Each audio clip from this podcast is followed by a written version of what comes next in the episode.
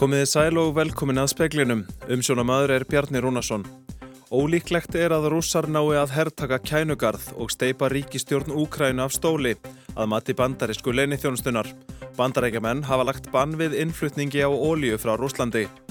Búist er við alltaf 1500 flottamönnum frá Úkrænu hinga til lands á næstu vikum. Ríkislauglustjóri lísti í dag yfir hættustíi sökum álags á landamærunum við móttöku flottafólks frá Úkrænu. Rætt verður við utaríkisra þeirra í speklinum. Hér innanlands hækkar bensínverð en hlutabriðaverð lækkar vegna óvissu vegna stríðsins og hækkandi eldsneitisverðs víða um heim. Um tíundi hver Íslandingur er með COVID.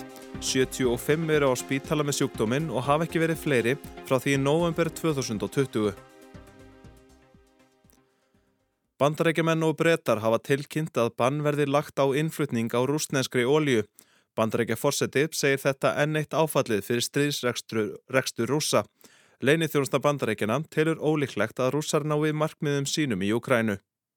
Joe Biden bandarækjafósetti tilkynnti um innflutningsbann á rúsneskri ólíu og bladamannafundi á 5. tímanum í dag. Hann saði að þetta þýtti að engin bandarísk höfn tæki við rúsneskri ólíu sem væri enn eitt áfallið fyrir stríðsrekstur Vladimir Putins fósetta Rúslands. Innflutningur á kólum og gasi frá Rúslandi verður einnig bannaður. Biden saði að þetta erði kostnæðarsamt fyrir bandaríkjamenn en þingmenn begja flokka vissu að nöðsynlegt væri að stíga þetta skref. Hann saði jáfnframt að Pútín myndi aldrei vinna sigur í Úkrænu. Bretar tilkynntu einni í dag að þeir myndu hætta innflutningi á olíu og olíuvörum frá Rúslandi fyrir lok þessa árs. Európusambandið treysti sér ekki til að ganga jafn langt en það mun meira flytt inn frá Rúslandi af olíu og gasi þangað en til Breitlands og Bandaríkjana. Þó ætlar sambandið að minka innflutning á gasi um tvo þriðju til Európusambandslanda fyrir lok þessa ás og hætta honum alveg fyrir árið 2030. Bandaríska leini þjónustan segir að 2-4 þúsund rúsneskir hermenn hafi fallið frá því innrást þeirra í Úgrænu hófst fyrir 13 dögum. Pútín væri ólíklegur til að hætta en vandsið væri hvernig hann gæti náð markmiði sínu um að herrtaka kænugarð, steipa ríkistjórn Volodymyr Zelenskís fósetta af stóli og koma í staðin til valda stjórn sem væri hliðhóll rúsum. Hallgrimur Endreðarsson saði frá. Ríkislauglustjóri hefur líst yfir hættustíi vegna álags á landamærunum. Vonir á alltaf 1500 flottamönnum hinga til lands frá Úkrænu á næstu vekum. Katrin Jakobsdóttir, fórsættisráþara, segir unnið að því að skipuleggja móttuguna með ymsum hætti innan stjórnkerfisins en tilkynnt var í gær að Gilvi Þór Þorstensson, sem var forstuðumæður farsótarhúsa, stýri teimi sem skipuleggur móttugu flótafólks frá Úkrænu. Augljóslega er hér um að ræða uh, miklu meiri fjölda en við hefum venjulega von á. Uh, þannig að það skiptir náttúrulega gríðalögu máli að þetta geti gengið sem best fyrir sig og það er komin aðgerða stjórn uh, sem Gilvi leiðir og síðan eru ýmsir hópar innan stjórnkerfisins sem hérna er að vinna þessu svona úr ólíkum áttum. Hafið þið einhverju áallanir um hversu margt fólk kemur yngað? Við erum ekki með áallanir en ég menna við erum með spár mm. uh, sem gera ráð fyrir því að þetta geti verið 1000-1500 manns bara á næstu vikum. Segir Katrín Jakobsdóttir, Valgerður Ragnarsson talaði við hana. Þóruldur Sunna Ævastóttir, þingmaður Pírata, gaggrindi stjórnarliða á alþingi í dag fyrir það hvernig móttöku flótta fólks frá Ukrænu verið háttað. Stjórnvöld hefðu ákveðið að fara leið sem veitir flótamönnum minni vend og réttindi heldur en þeim standið til bóða og breyttum reglum. Faðmurinn er opinn. Þetta eru skilabóðin sem að stjórnarlegar senda út gagvart móttöku flótafólk frá Ukrænu. En er það vissulega svo? Ríkstjórnir er búin að ákveða að þau fáið dvalarleifi af mannúðar ástæðum sem eins og ég segi er verri réttavend, felur ekki í sér atvinnuréttindi og verður þess valdandi að þau munu þurfa að reyða sig á fjárhagsaðstóð sveitafélaga og munu einhvern veginn þurfa að finna húsnæði á eigin vegum um leið og það er búið að veita þeim þessa vernd. Þetta er pólitísk ákvörðun og þetta gefur ekki til kynna að faðmennu sé sérstaklega opinn að minnst okkar ekki fram yfir þetta eina ár. Saði Þóruldur Sunna Ævastóttir. Bjarni Pétur Jónsson tók saman. Bensínverð hækkar dag frá degi og nú er það rétt undir 300 krónum á lítran þar sem það er dýrast. Nú er algengt verð á bensilítran 295 til 299 krónur og dísillin verðlegst víðast á 288 til 293 krónur. Þó má finna lægra verð á stöku stað, sérstaklega þar sem harðasta samkernin ríkir á höfuborgarsvæðinu og á Akureyri. Runólfur Ólafsson, framkvæmdastjóri félags íslenska bifræðaðenda, segir hækkanirnar dapurlegar þótt að þær hafi verið fyrirsjáanlegar vegna stríðsins í Úkrænu og hækkandi orkuvers á heimsvísu. Runólfur segir að verðhækkanirnar hafi margvísleg áhrif og mest á þá sem hafa minnst umleikis. Ég, ég teldi mjög eðlilegt að stjórnvöld kemur núna með það yngripa að lækka tímabundið skatta á eldsneiti og það hefur gert áður þannig að það er fortanið fyrir því og þá er það þetta megi markmiðið að reyna að draga úr verðhækkunum innanlands.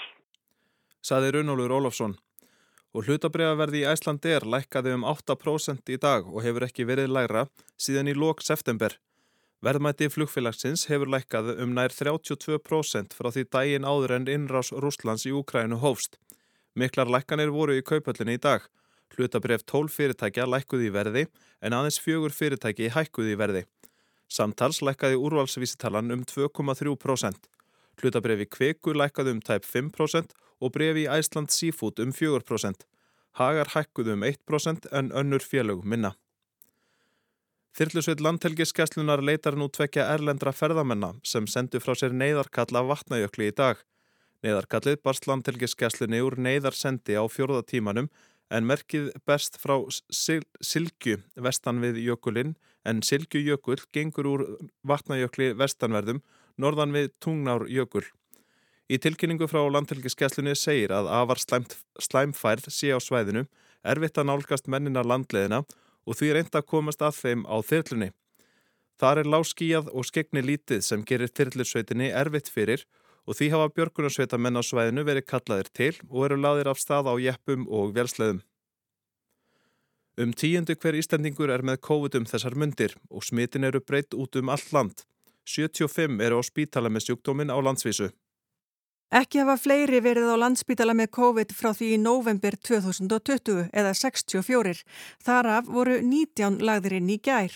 Tveir karlmenn á áttræðisaldri sem voru með COVID létust á gjörgjæslu delt spítalans í gær.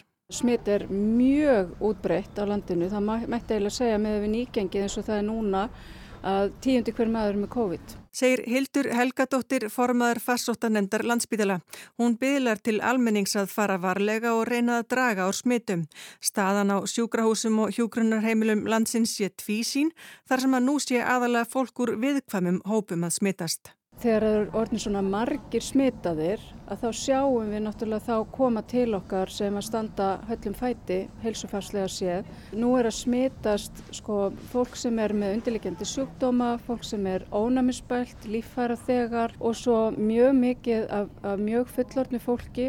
Þannig að þetta er bara mjög snúin staða og við hérna, erum í raun og við erum bara að vinna þetta svona klukkutíma fyrir klukkutíma eins og staðan er í dag segir Hildur Helgadóttir, Alma Ómarsdóttir tók saman. Á flugvallarsvæði Siglufjörðar munað öllum líkindum byggjast upp ímiskunar ferðarþjónustu tengt starfsemi. Bæjastjóri Fjallabiðar segir að stemt sé að minni, flug, að að, minni flugvilar geti þó áfram nýtt flugbröðina. Auglist var eftir tillögum að uppbygging á gamla flugvellinum og þrjár tillögur bárust. Sú sem starfsópur um verkefni valdi nefnist Airport fjallabigð og segir Elias Pétursson, bæjarstjóri fjallabigðar, til löguna falla vel að þeim hugmyndum sem sveitarstjórn hafi séð fyrir sér. Þeir aðila sem eru þar hafa uppi áformum að setja upp veitingarstað eða staði í byggingum sem að tilherðu flugstarseminni áður, flugstöðunni, tækjakemslu, ásamt og að setja upp svona lítil gistihús, verða þarna með alliða ferðarþjónustu Að mati starfshópsins þótti tillegan vel til þess fallin að nýta fastegnir á svæðinu, auk þess sem flugvöllurinn erði notaður á einhverju leiti áfram. Og eru með hugmyndir sömulegis um það að fljúa ferðamönnum inn beint til syklufjörðar á litlum fljúvélum sem hafa þá leifi til þess að lenda á, á flugbröðinni. Elías segir að þeir sem standa verkefninu séu erlendir en forsvarsmaður hópsins er búsettur á syklufyrði eins og það lítur út þá verðast þeir vera búin að, að fjármagna sig allavega að tölverun hluta þannig að ég hef vonið standa til þessi hvað okkur varðar að þetta geti skýrst á allra næstu vikum. Saði Elias Pétursson, Anna Þorbjörg Jónastóttir tók saman.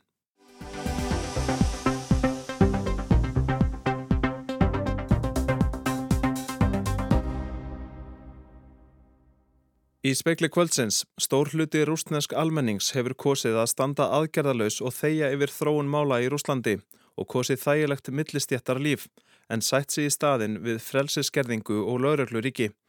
Þetta er álit margra úkrænumanna og þess vegna fái Pútín sínu framgengt. Við segjum frá þessu í speklinum og í síðara hluta þáttarins kemur svo Þórtís Kolbrún Reykjörð Gilvadóttir auðarriksrað þeirra og ræður um stöðum mála í Úkrænum, varnarmál Íslands og efnahagsleg áhrif stríðsins hér á landi. En fyrst þetta, það er, það er rétt hægt að ímynda sér hvaða hug almennir borgarar í Úkrænu bera til Vladimir Putin Rúslandsforsetta eftir að hann sendi hersinn inn í Úkrænu þann 24. februar. Hatur og reyði Úkrænumanna beinist þó ekki eingöngu að Putin hernum og stjórnvöldum í Rúslandi. Þeir beina spjótum sínum einnig að hennum almenna rúsa. Rúsnanska þjóðin sé meðvirk og beri ábyrð. Чи знаєш ти, де моя родина? Я приїхав тут з далекого краю, щоб побачити село моє, щоб побачити мою країну, щоб побачити село моє, щоб побачити мою країну. Um hug úkrænsku þjóðarinnar til rúsa skrifar úkrænska bladakonan Marja Varenikova í New York Times. Hún vittnar í vel þekkt úkrænst skáld, Oleksandr Irventes, sem byrti ljóð á netinu fyrir nokkrum dögum, fastur í íbúðsynni í kænugarði á meðan sprengjum ringdi í nágræninu. Ég rópa til allra, ég fyrirgef engum. Ekkert hefur histi í Alexander Irventes í nokkra daga og er óttast að hann hafi fallið. Marja Varenikova segir að hatrið í gard Pútins, rúsneska hersins og rúsneskra stjórnbalda ráði öllu í Úkrænu núna. Pútin beri mestu sökina. En mörgum úkrænumönnum finnst að rúsneska þjóðin hinn almenni rúsi beri einni ábyrð. Þjóðin sé meðvirk og hafi verið pólitíst aðgerralaus árum saman. Þetta eigi auðvita ekki við um alla, en miljónir rúsa hafi kosið þægilegt millisettalíf, mögulegt vegna ólíugróðarúsa, í staðin fyrir málfrelsi. Þeir séu passífir, standi hjá og þegi, sætti sig við frelsiskerðingu og laurugluríki í staðin fyrir efnisleg þægindi. Þeir saka miljónir rúsa um að hafa gefist upp og klúðrað tækifærinu þegar Sovjetrikinn og Sovjetkommunismin fjall fyrir 30 árum. Þeir hafi lokað á tækifæri til frjálsræðis og líðræðis og þar með eigi þeir sinn þátt í að Putin geti farið sínu fram og gert innrás. Svona er andrumslóttið gagvart rúsum í Ukrænu og Ukrænumenn hæðast að þeim rúsum sem kvarta undan því á samfélagsmiðlum að rúplan sé í frjálsu falli að þeir get ekki nota greiðslukortin sín til að borga cappuccino kaffibotlan á uppáhalds kaffihúsinu. Selenski Úkrænufórsiti hefur ávarpað rúsnesku þjóðuna beint og kvartana til að rýsa upp og andæfa, ekki aðeins fyrir Úkrænu heldur ekki síður fyrir Rúsland. Ekki missa þetta tækifæri, sagði Selenski á sunnundag. Þetta er bara átt að um Rúsland, um þær væntingar sem eitt sinn voru á lífi. Ef þið þegi núna, þá býður ykkar ekkert annað en fátakt og kúun. Engin sínlegi mótmæli voru í Rúslandi fyrir innrás þegar liðsatnaði rúsneska hersin stóði yfir við ukrainsku landamærin. Eftir innrás hafa nokkur þúsund manns mótmælti í Rúslandi, fólki var flest handtekið og stungi í steinin. Júri Makarov, útarstjóri Ukrainska ríkisútarsins, segir að stríðið í Ukraínu hafi rekið slíkan fleig í samskipti þessara nágræna og bræðra þjóða að mjög erfitt verði að græða sárið. Fjöldi Ukrænumanna eigi ættingja og vini í Rúslandi og öfugt. Hann velti ekki fyrir sér hvernig hinnum almenna rúsa líði. Þeim virðist með nokkrum undantekningum líða nokkuð vel í algjöru einræði, segir hann. Óla Kópa, sálfræðingur í kænugarði, segir að hatur og reyði séu eðlileg viðbröð hjá úkrænskum almennum borgurum í því ástandi sem ríki í landinu. Mikilvægt sé að beina þessum tilfinningum í farveg sem komið að gagni. Og hvernig þá? Til dæmis með því að hjálpa til við að búa til Molotov-koktela, segir Óla Kópa. Þegar fólk leðst yfir því að rúsneskir hermenn falli, þá er það skiljanlegt, segir hún. Undir meðutundin segir manni að þeir geti þá ekki drepið ástfinnimanns. Réttrúnaðar kirkjan er sterk bæði í Rúslandi og Úkrænu. Sunnudagurinn 7. mars var dagur fyrirgefningar hjá réttrúnaðar kirkjunni. En fyrirgefning er langt í frá efst í huga úkrænumanna, skrifar úkrænska bladakonan Marja Varenikova í New York Times og vittnar í skaldið Oleksandr Irventes Ég fyrirgef Rúslandi aldrei.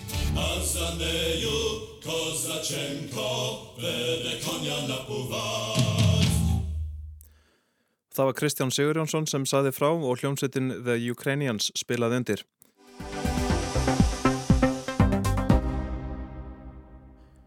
Innrás rúsa í Úkrænu hefur nú staðið í hátt í tvær vekur. Átökinn hardna dag frá degi. Flottamannaströymurinn verður sífelt meiri úr landinu. Þar eru börn og konur í miklu meiri hluta. Hingað í speilin er komin Þórtís Kolbrún Reykjörð Gilvadóttir, auðarrikisrað þeirra. Vertu velkomin. Takk. Ef við byrjum á varnamálunum, maður velti fyrir sér, eru varnir Íslands, eru þær nægar? Já, við, það er, það er allavega algjörst grundvallar atriði að uh, aðild okkar að allarsast bandalæginu uh, sérstaklega og svo auðvitað erum við með varnarsamning við bandaríkinn. Um, það þýðir og eins og núna þegar það er tiltölulega skam, skamur tími liðin frá því uh, NATO ákvaðað virkja allar varnar áallanir sínar. Það eru fimmtalsins og einn þeirra er sérstaklega Ísland og Norður. Það felur það í sér að það er svona aukin viðbúnaður og það má þá gera ráð fyrir frekari viðveru, mögulega frekara eftirliti og slíku. Þannig að ég myndi segja að sko við erum í góðum höndum, við erum með um, svona allvirka uh, viðveru þannig séð og, og eftirlit. Um, en ógninnar eru líka töluverðar og það er hafa breyst svona í tíman og rás. Þannig að það fer alltaf eftir því hvernig ógninni metin hvort, hvort varnirnar séu nægar en þær eru svo sannlega til staðar. En þessi auknan viðvera, er hún nú þegar komið til framkvæmda og hverju sinna henni þá? Í, það eru kannski ekki þegar komna til framkvæmda. Núna erum við með uh, loftrýmingjastlu uh, frá hérna Portugal og þau verða hér fram í lok þessa mánadar. Uh, ég gerir ráð fyrir því að það verði svona einhvert samtal, einhver endurskoðun á því hvort eitthvað meira komi til og það er þá bara samtal í rauninni við þá svona sérfræðinga og bara, bara kallt hagsmunumat á því hva, hvort það þurfi og þá með hvað hætti um, en við höfum hér verið með sko ákveð eftirlit sem hefur alveg aukist undan farin ár til að mynda kápota eftirlit, það er, það er alveg þannig mm -hmm. Hvenar kemur sá tímapunktur að hér þurfi bara hér að hafa fasta viðveru? Það er alveg spurning sko, með hvað hætti slíkt yrði. Jafnvel þótt að yrði aukin um, viðbúnaður, viðvera, eftirlit, hvort að það myndi einhver tíman þýða endilega sko, först viðvera það sem yrði bara hérna, opnaður skóli og íþróttastarf. Sko. Uh, að því tíman er líka breytast og, og, hérna, og fólk er líka svona, já, það er, það er margt sem breytist í því. Um, en, en það er alveg hægt að sjá fyrir sér aukna viðveru, viðbúnað, eftirlit og meiri umsvið án þess að það væri kannski skilgrund sem svona konkrétt bein viðvera til að mynda bandaríkihers. Uh, núna erum við með, sko, til að mynda loftrymmingjæslan er bara frá ímsum aðeldaríkjum allarsasbandalagsins á hverjum hérna, tíma og er þá ekki först viðvara heldur til uh, nokkru vikna í, í, í senn. Og það duðar til að eitthvað mati? Já, það er í raun mat, sko, allarsasbandalagsins hverju sinni Um, og það mat er núna, ég menna það er alveg ljóst að allt þetta er endurskoð og við sjáum það líka viðbröðum annara ríkja sem eru að setja sjálfstætt bara meiriháttar viðbót inn í varnartengt verkefni uh, þannig að eins og ég segi það máli gera ráð fyrir því að það verði eitthvað endumat á því og eitthvað samtal en, en engin, engin sérstök ákvörðum verið tekin hvað það varðar hér nema svo að, að hérna, virkja varnar áallanir NATO þá þarf með talið sem að næri yfir okkar sveiði. Mm -hmm. Danir þeir ætla að leggja varnarmálastefnu sína í þjóðratkvæðagreislu í byrjun sumars. Er þetta eitthvað sem er til skoðunar hér? Sko við erum með uh, þjóðaröryggi stefnu sem hérna sett var 2016 uh, og er núna uh, verið að endur skoða. Ég ger ekki ráð fyrir neinum sko, meiri hátar breytingum í henni. Þar kemur fram að aðild okkar að NATO sé kjarni í okkar vörnum og öryggismálum og sömulegis varnarsamningu við bandaríkin.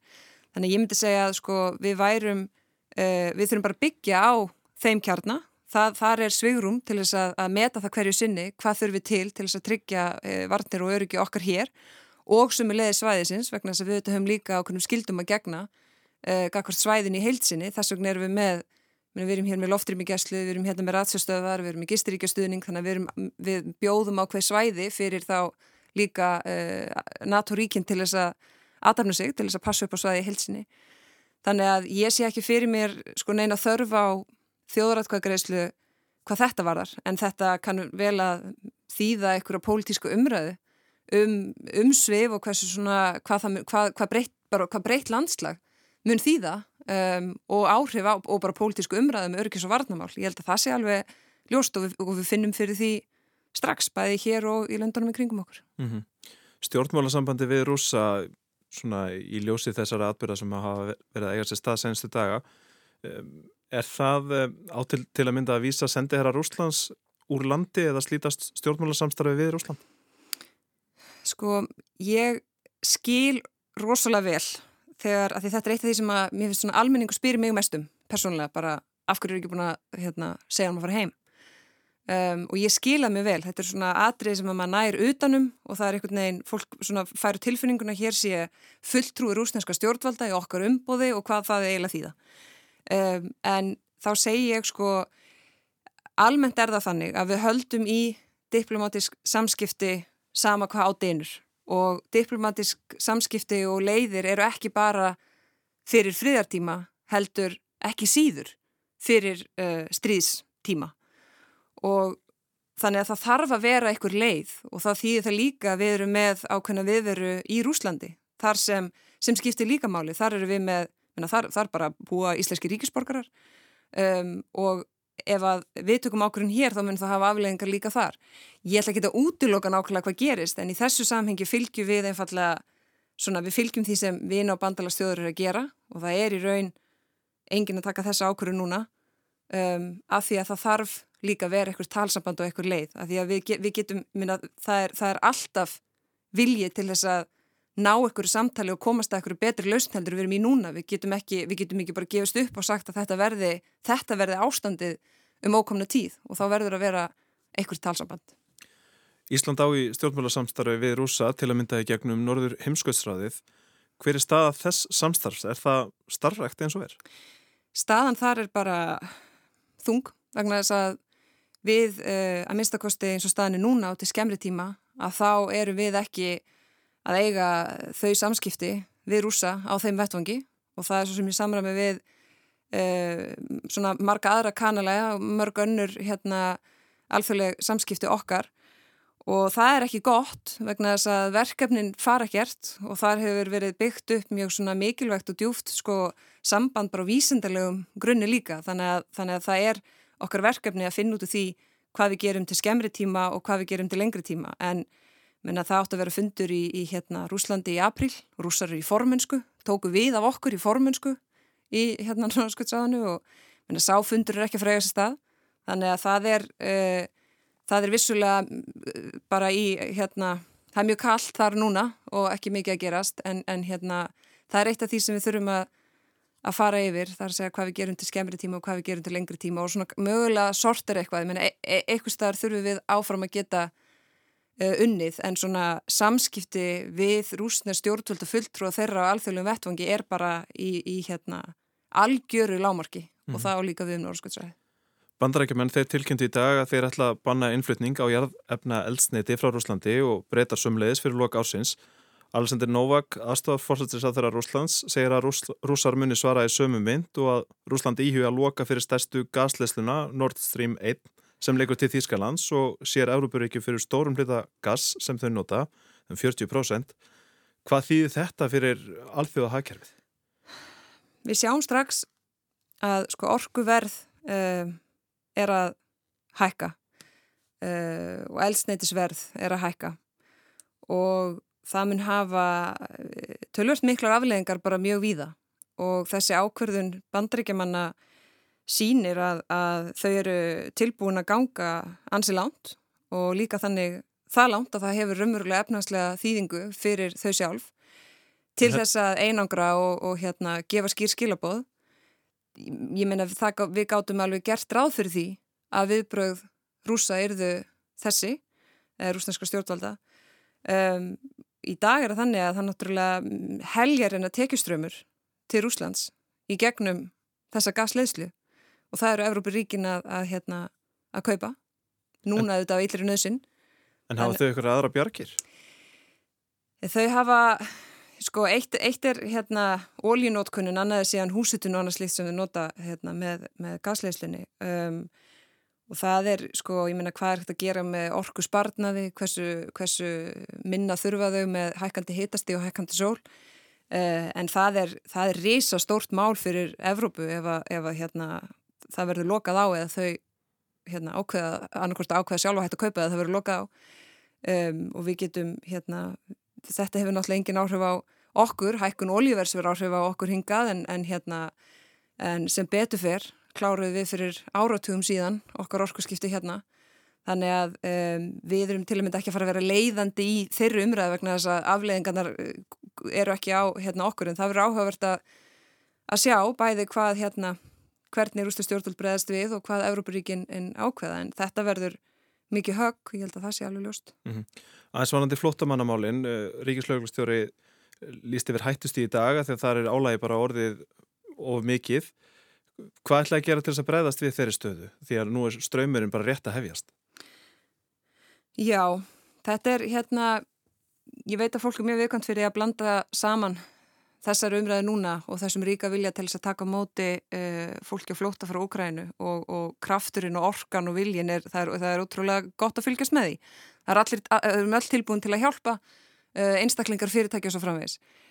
En, og það er viðkomin fyrir því að blanda því saman við útlingu umræðan almennt. En staðrendin er svo að það er ákveðin þættir í okkar kerfi þar sem við skerum okkur algjörlega úr, gagvart nákvæmnaríkjum, sem felur í sér uh, tölveran kostnað hér og sumulegðis uh, svona, við erum með takmörku rými, við erum bara með samningu við þrjú sveitafjölu til að mynda, þegar kemur að þjónustu við hérna, umsækjendur um alþjóðlega vend uh, þrjú sveitafjölu aðeim öllum.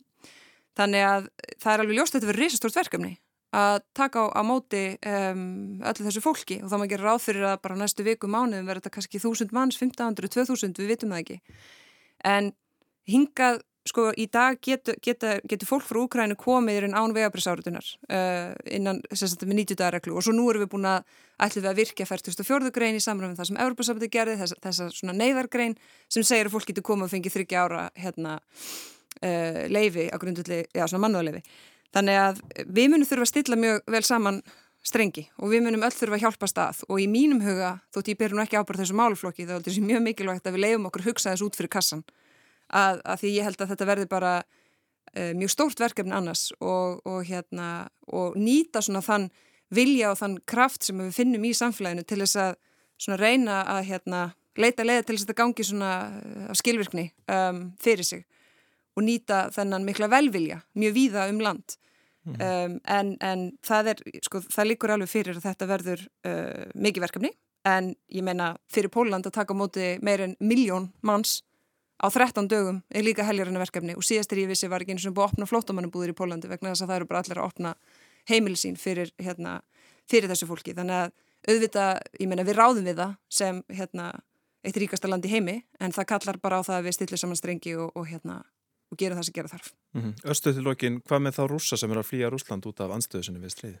Já, þetta eru vaksandi uh, áhyggjur af bara stöðinu almennt í Rúslandi líkur á svona auknum óstöðuleika og, og þessi svona miklu breytingar bara á örfáum vikum í Rúslandi og framkoma við fólk þessi fólk að stoppa á göttumúti og, og hérna kannakvort að stiði stríði án það sem ég að segja þessi stríð. Uh, og það maður ekki ráð fyrir því að það muni fjölga og við finnum strax fyrir því til að mynda inn, inn bæðin til Finnlands og, og annað. Þannig að það Það, það er snúið og það er búa yfir 140 miljónum manna, það eru 40 í Úkrænu þannig að um, þetta það eru ákveðin flögg. Mm -hmm. Við komumst ekki lengra, takk hella fyrir komin í speilin, Þúrtís Kolbrún Reykjörð Girðardóttir og það er ekki fleira í speiklinum í kvöld, teknum að var Jón Þór Helgason, verið sæl.